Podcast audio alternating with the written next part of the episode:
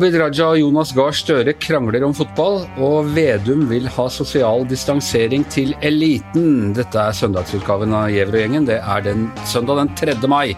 Tone Sofie Agling og Hanne Skartveit, hallo på dere. Hallo. Hei, hei, god morgen. Av og til sånn når vi skal sitte sånn og prate på, på søndager om politikk, så føler jeg at vi, liksom, vi tar opp, vi oppsummerer ting som skjedde, og vi må grave liksom litt tilbake til fredagen. Men denne helgen har vært ganske frisk på politisk eh, debatt, eh, Tone Sofie? Ja, og vi merker jo nå at uh, den her borgfreden uh, rundt uh, de her tiltakene og den store enigheten den begynner å slå litt sprekker. og og det som for alvor har utløst temperatur, er jo to, to personer som vet å skape temperatur, nemlig Trond Giske og Abid Raja. Og greia er altså at øh, kulturministeren, øh, som da også er idrettsminister, vil ikke åpne for fotballkamper riktig ennå.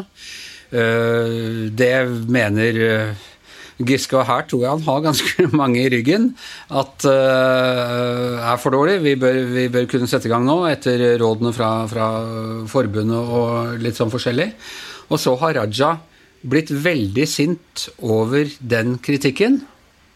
og nærmest sier at han skal ha seg frabedt at det er Trond Giske som stiller ham spørsmål når han er minister eller noe sånt, fordi det må være partilederen som spør ham sånn. Er det riktig oppfattet uh, gangen i det hele?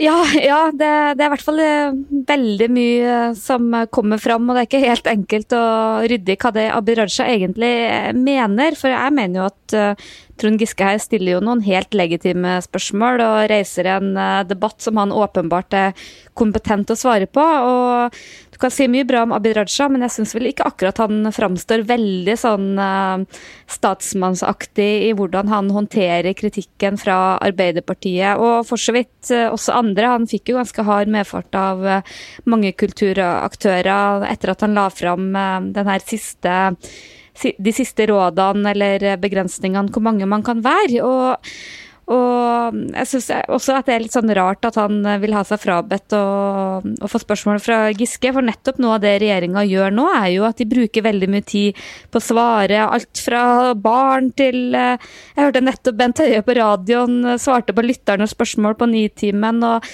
og det skulle jo egentlig bare mangle at, at de hadde den holdninga. Fordi, Hanne, det er, det, er, det er, ikke noe konstitusjonell eller sedvane eller noe som helst sånn at ikke en stortingsrepresentant kan stille denne typen spørsmål eh, til statsråden? På ingen måte. Det er jo helt latterlig. Det er som at justisministeren skulle nekte å forholde seg til opposisjonens eller Arbeiderpartiets justispolitiske talskvinner. Altså, Politikken er jo ikke sånn at vi har én store og gode leder som bare skal forholde seg til alt i ethvert parti. Det er jo talsmenn og talskvinner i ulike saker, og Trond Giske har dette som felt. Han er også tidligere kulturminister, kan feltet veldig godt, både idrett og kultur. Nei, så dette er helt ko-ko, spør meg. Ja, og altså, det, er, det, er, jo litt som å si at uh, hvis opposisjonen liksom skal holde på med at nei, de vil ikke ha svar fra kulturministeren, de vil ha svar fra statsministeren i, på hvert eneste punkt, det er jo på en måte en, en en sånn skygge, skyggefunksjon her. Men eh, Abid Raja han kom jo Det var veldig stas da han ble kulturminister. Han tok dette med storm. Eh, han var god til å Han er god til å generere eh, entusiasme og by på seg sjæl og sånne ting. Men dette viser vel at han ikke er helt eh, god i motgang? Fordi, fordi, det burde ikke være så vanskelig å, svare på disse spørsmålene her, Hanne? Nei, Han blir skikkelig hothead og som du sier, ikke særlig vant til å få den type politisk kritikk. Han har jo vært i mange stormer tidligere i store diskusjoner om følsomme spørsmål rundt religion og ære og skam, og har vært en veldig sånn tydelig talsmann. Men dette er jo kritikk på hans politiske håndverk som statsråd. Og det er, Han er en helt ny statsråd, og tydeligvis også veldig veldig utrent i hva det innebærer når det gjelder kritiske spørsmål og forslag fra andre. Tone Sofie? Ja, han er jo, om jeg kan kalle det litt sånn uh, lite vant til, til, rollen. Så tenkte mange at det skal gå veldig bra for han å være kulturminister, for han er særdeles god uh, med å håndtere folk. Uh, særlig sånn mer sånn én-til-én og ute blant folket. Han er veldig flink til å få oppslag i media. og og god på å skape begeistring. Og kultur er liksom blitt sett på som det er, liksom, det er ikke så farlig. Det er kanskje mange som har den holdninga. Samtidig så tror jeg nok at kulturpublikummet, eh, eller aktørene sjøl, er en vanskelig gruppe å gjøre fornøyd. Hvis du ser tilbake av de siste kulturministrene, så er det vel kun Trine Skei Grande, tror jeg, som liksom har vært respektert Eh, i bransjen. Verken Linda Hofstad Helleland eller Toril Vidvei var det. Trond Giske var vel for så vidt det, deler av miljøet. Trond Giske var jo regna som en av de bedre som har vært det i, siden man oppretta kulturministerposten eh, under Langslett i sin tid? Absolutt. Så det er ganske få politikere som, som, som kommer gjennom nåløyet til kulturaktørene. Det, det er nok en ganske sånn kresen, sjølbevisst bransje. Men så er det jo også en det er jo også en helt uh, Litt av en krise de står i, for veldig mange kulturaktører er liksom det de gjør om sommeren. Da bygger de seg opp for å leve hele året og, og føle seg på en måte nå fullstendig på bar bakke. Jeg tror veldig mange er redd. Og, og, så ser du veldig godt på politikerne at f.eks. Bent Høie da, han har liksom funnet formen veldig godt på hvordan han skal kommunisere og får en voldsom oppslutning, mens uh, Abid Raja har ikke det. Han kommer liksom litt sånn på pressekonferanser og spøker og liksom tar liksom litt en helt annen tone som, som, ikke helt treffer. Og det er sikkert litt urettferdig, for han er jo ikke noe, jo ikke noe mer ansvarlig for det her enn en resten av regjeringa, men han har heller liksom ikke bygd seg opp så veldig mye å gå på, og sliter nok litt med, med sin performance, om vi kan bruke et sånt uttrykk nå. Hanne? Men så kom jo også Bent Høie, som du nevnte, Tone Sofie, ut og ble veldig hva skal si, uhøysk da han skulle dekke ryggen til Abid Raja og begynte å kalle eh, Trond Giske for fotballpøbel. Det har gått noe kule varmt også fra de politikerne som vi vanligvis ser på som ganske sånn decent i språkbruken. så Det ble jeg overraska over. Men jeg tenker at dette er ganske, dette er ganske uh, En bra sak for Arbeiderpartiet har jo da skulle liksom lansere uh, ny opposisjonspolitikk denne uka. Støre var ute og, og kritiserte regjeringen. gikk ja, vel sånn litt passe, men en sånn sak en god folkelig sak. Ikke så farlig, eh, ikke liv og død. Eh, man kan se gode argumenter på begge sidene. Fronta av en slugger som eh, Giske, og som klarer å få regjeringen til å miste litt besinnelsen. Det er, er 1-0 til opposisjonen, er det ikke, er det ikke? Jo, og det jeg syns er interessant med dette, er at helt, regjeringen har hatt helt monopol på både tiltakene og også langt på vei informasjonen om tiltakene. Og både opposisjonen og storsamfunnet alle har stilt seg veldig lojale bak alle disse tiltakene. Det har vært diskusjon om økonomiske krisepakker, men ikke om de smitteverntiltakene. Og så ser vi at nå har det fagmyndigheten, Folkehelseinstituttet, som har sagt at det er helt greit å spille fotball nå. Og regjeringa sier nei. Og, og regjeringa har rota seg inn i en slags argumentasjon hvor det først var at det var smittevernhensyn som skulle gjelde, og så var det plutselig at det var en politisk vurdering. De er inne i en suppe rundt dette. For det er klart at Arbeiderpartiet har ekstra gode kort på hånda når også de smittevernfaglige argumentene er for at man kan starte fotball igjen. Og det tror jeg de så at det var en god sak til endelig å få en politisk debatt også om tiltakene. I andre land ser vi det har vært mer politisk debatt også om tiltakene enn det har vært her så langt. Dette måtte komme. Tom Sofie? Ja, nei, jeg er helt enig med, med Hanne, og ble også ganske Eh, overraska over at Bent Høie gikk så sterkt ut og kalte Trond Giske for en uh, fotballpøbel, eller uh, hva det var for et uttrykk han brukte. Og jeg syns, uh, sjøl om regjeringa har gjort veldig mye bra, og ikke minst Bent Høie synes jeg har vært veldig god på kommunikasjon, så syns jeg det er et eller annet nå med hvordan de håndterer den her forsiktige kritikken, må vi kunne kalle det fra opposisjonen, og særlig Arbeiderpartiet, som jeg ikke syns er så fryktelig eh, tillitsvekkende. For jeg syns at selv om Arbeiderpartiet liksom sliter litt med å komme på, syns jeg de stiller gode spørsmål. Jeg syns det er helt rele relevante innvendinger, for det er jo en del av de her tiltakene. Eh, F.eks. er fotballforbudet, hytteforbud er jo den kategorien. Også det med differensiering rundt omkring i landet. Du har jo masse kommuner hvor det er null smitte, hvor man likevel har eh, like strenge tiltak som over altså, Det er ganske mye som det er god grunn til å stille spørsmål ved. Folkehelseinstituttet er jo veldig åpen på den tvilen, men likevel så blir det liksom litt sånn uh, Takler ikke det så veldig godt, og det syns jeg egentlig er rart. For uh, noe de virkelig burde ha prøvd nå, er jo å involvere Stortinget mer i, i, i, også hvordan man skal gjenåpne landet. For det som Hanne sier, at de sitter med et gedigent monopol både på informasjon, men ikke minst på publikum med de her svære pressekonferansene de har daglig. og som gjør at de har en veldig spesiell posisjon nå. Men det er altså Arbeiderpartiet kan si 1-0 ved pause til Arbeiderpartiet i opposisjonen. Hva med Fremskrittspartiet? De skulle hatt eh, landsmøte denne helga. De har ikke akkurat meningsmålingene i ryggen. Hvordan står, hvordan står de nå, som opposisjonsparti, i den situasjonen? Nei, Fremskrittspartiet sliter jo helt uh, åpenbart. Jeg så nettopp en måling, det var vel TV 2 som hadde den, uh, hvor det er de som får den virkelig største smellen, og absolutt all den effekten de hadde av å gå ut av regjering, uh, er spist opp, og, og, vel så det.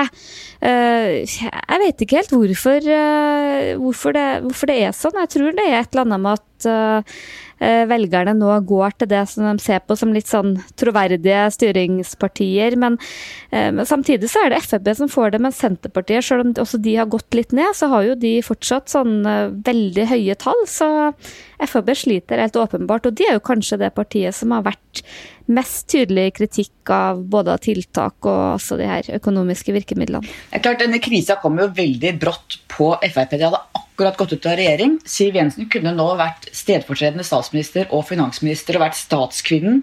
Og så gikk hun rett over opposisjonsrollen og fikk heller ikke etablert seg ordentlig som opposisjonspolitiker før koronaen kom. Så de er en slags limbo. Jeg tror, kan tenke meg at hun syns dette er helt fryktelig. Eh, og partiet også har ikke funnet sin plass. Og så plutselig kom denne krisa.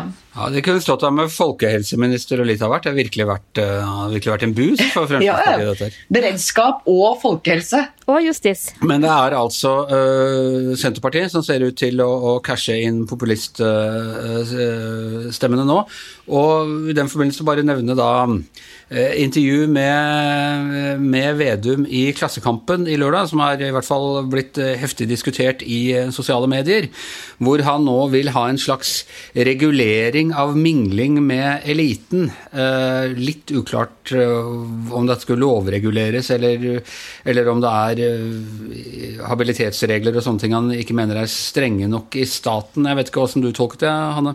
Nei, Det var ikke godt å si. og spørsmål, Første hva er eliten? Det er jo også en elite i eh, landbruket. Det var han ganske klar for. Det var, eh, eliten var bl.a. de som er mye på Dagsnytt 18. Som, og der er aldri han, ikke sant? ja, og de må og omgang med Dagsnytt 18-deltakere og statsråder og sånne ting, det må, det må reguleres. Han tenkte nok særlig på Civita-frokosten. Jeg har intervjuet her. Han hadde en litt morsom formulering man sier det dårligste stedet du kan dra for å finne ut hvordan man kan ta en god politisk beslutning i Norge, er på en Civita-frokost. Det eneste de har bidratt med de siste månedene, er å gi et halvt seminar koronavirus. Fordi det var, var en del som ble smitta der. Ja, men det er en helt håpløs posisjon. Og, og det å skulle regulere det samtidig som han sier han er mot byråkrati og dårlige reguleringer. Det er bare ja. Nei, det er veldig underlig utspill. Men, men, si, men populistisk. Ja, og, og, og, dette går jo altså da på, på Tangen-saken, og, og, det er jo for så vidt uh, streit, det at uh, at man, man, leter etter tiltak. Men jeg tenker dette går litt i ett med at her i vinter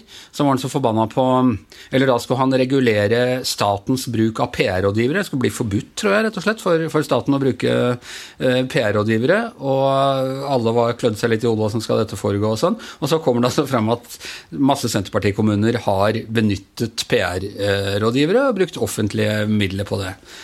Tone Sofie, du kjenner jo dette partiet rimelig godt. Det er jo et, det er jo et av de store maktpartiene i Norge. Altså, det er klart at, Som vår kollega Hans Petter Sjølle sier, at hvis man sitter midt i Oslo-borgerskapet, så ser det kanskje ut som det er et motstrømsparti, men rundt i landet er jo dette et av de store maktpartiene? Ja, og det er jo litt paradokset med Senterpartiet. F.eks. i Nord-Trøndelag, hvor jeg og Hans Petter kommer fra, så, så, er det jo Senterpartiet som langt på vei er eliten. Eh, både styrer veldig mange av kommunene, men også hatt uh, veldig mange fremtredende verv og posisjoner. Sånn er det fortsatt.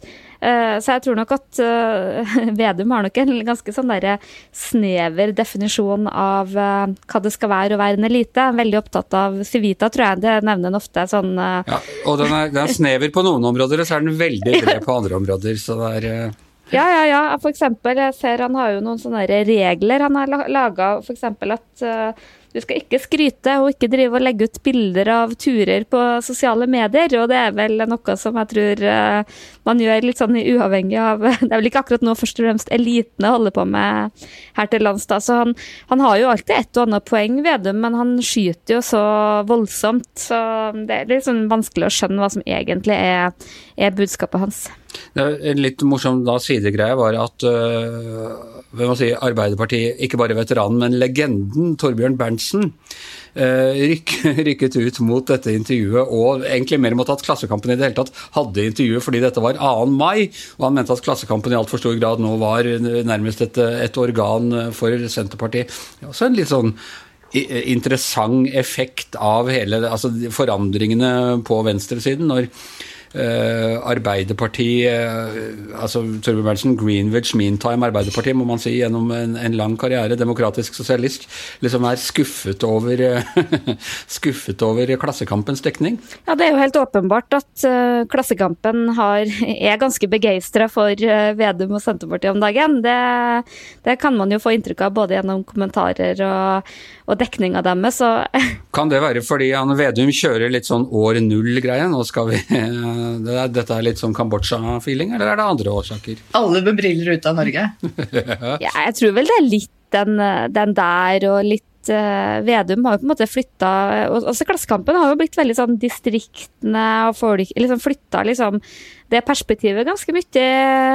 Uh, og der er jo Vedum uh, veldig klar. Samtidig så tror jeg nok for mange i Senterpartiet at det der er en ganske sånn klam omfavnelse og blir sånn Klassekampen-yndling. For det, står jo egentlig ganske langt uh, fra hverandre. Og i hvert fall sånn store deler av Senterpartiet er jo egentlig mye mer sånn konservativt og borgerlig, også i den økonomiske politikken. Så det er en, det er en litt sånn underlig allianse. Som er, og jeg, jeg ser at venstresida er veldig irritert på at Klassekampen uh, gir Senterpartiet så mye plass. Samtidig tror jeg vi ser at, eh, at i ly av koronakrisen og beredskapssvikt og alt dette vi ser, så gjenoppfriskes de gamle alliansene fra EU-kampen, hvor det blir igjen liksom nasjonalstatens eh, eh, selvstendighet og ivaretakelse av egne borgere versus verden der ute, og globalisering versus nasjonalisme. Så jeg tror det at, og Klassekampen og Senterpartiet var jo veldig veldig gode venner under EU-kampen, sammen med en rekke andre mer innadvendte krefter. Så jeg tror det er noe av det du ser nå. Det er mulig. Er det noe resonans på, på den type utspill, å skulle lovregulere sosial omgang i, i, eliten, eller er det mer en, eh, et slag i tomme luften, tror dere, helt kort til slutt? Jeg tror det er mest at de har i kjeften og ser at det er ikke mulig å regulere det, men det er, greit, det er fint å si det, for det vekker gjenklang akkurat nå. Tone Sofie? Ja, det er ikke uh, godt å si. Uh, jeg tror vel kanskje ikke det er de debattene som er mest fremtredende akkurat nå, men det kan jo si mye rart om Vedum og hvorfor han gjør det her. Men han lever jo også veldig etter det der. Han er jo en politiker som er særdeles mye rundt og, ikke går inn på business class og ikke går inn på lounger på flyet. Han er veldig opptatt av det der, så jeg tror nok at han er ganske god på å plukke opp en del sånne strømninger. Da. Det skal han ha. Var det ikke sånn at han fløy business class, men han gikk ikke på loungen for at folk skulle se at han, eh, at han var der? Ja, han har vært veldig opptatt av at han ikke bruker fast track. Ja, det er vel også en av de her eh, reglene han har laga seg. Ja. ok, eh, med det så er vi ferdig med søndagsutgaven av Gjever og gjengen. Vi er tilbake i morgen i hvert sitt hjemmestudio. Tone Sofie Aglen, Hanne Skartveit, Anders Giæver og helt i toppen av eliten av norske podkastprodusenter, Magne Antonsen. For nå.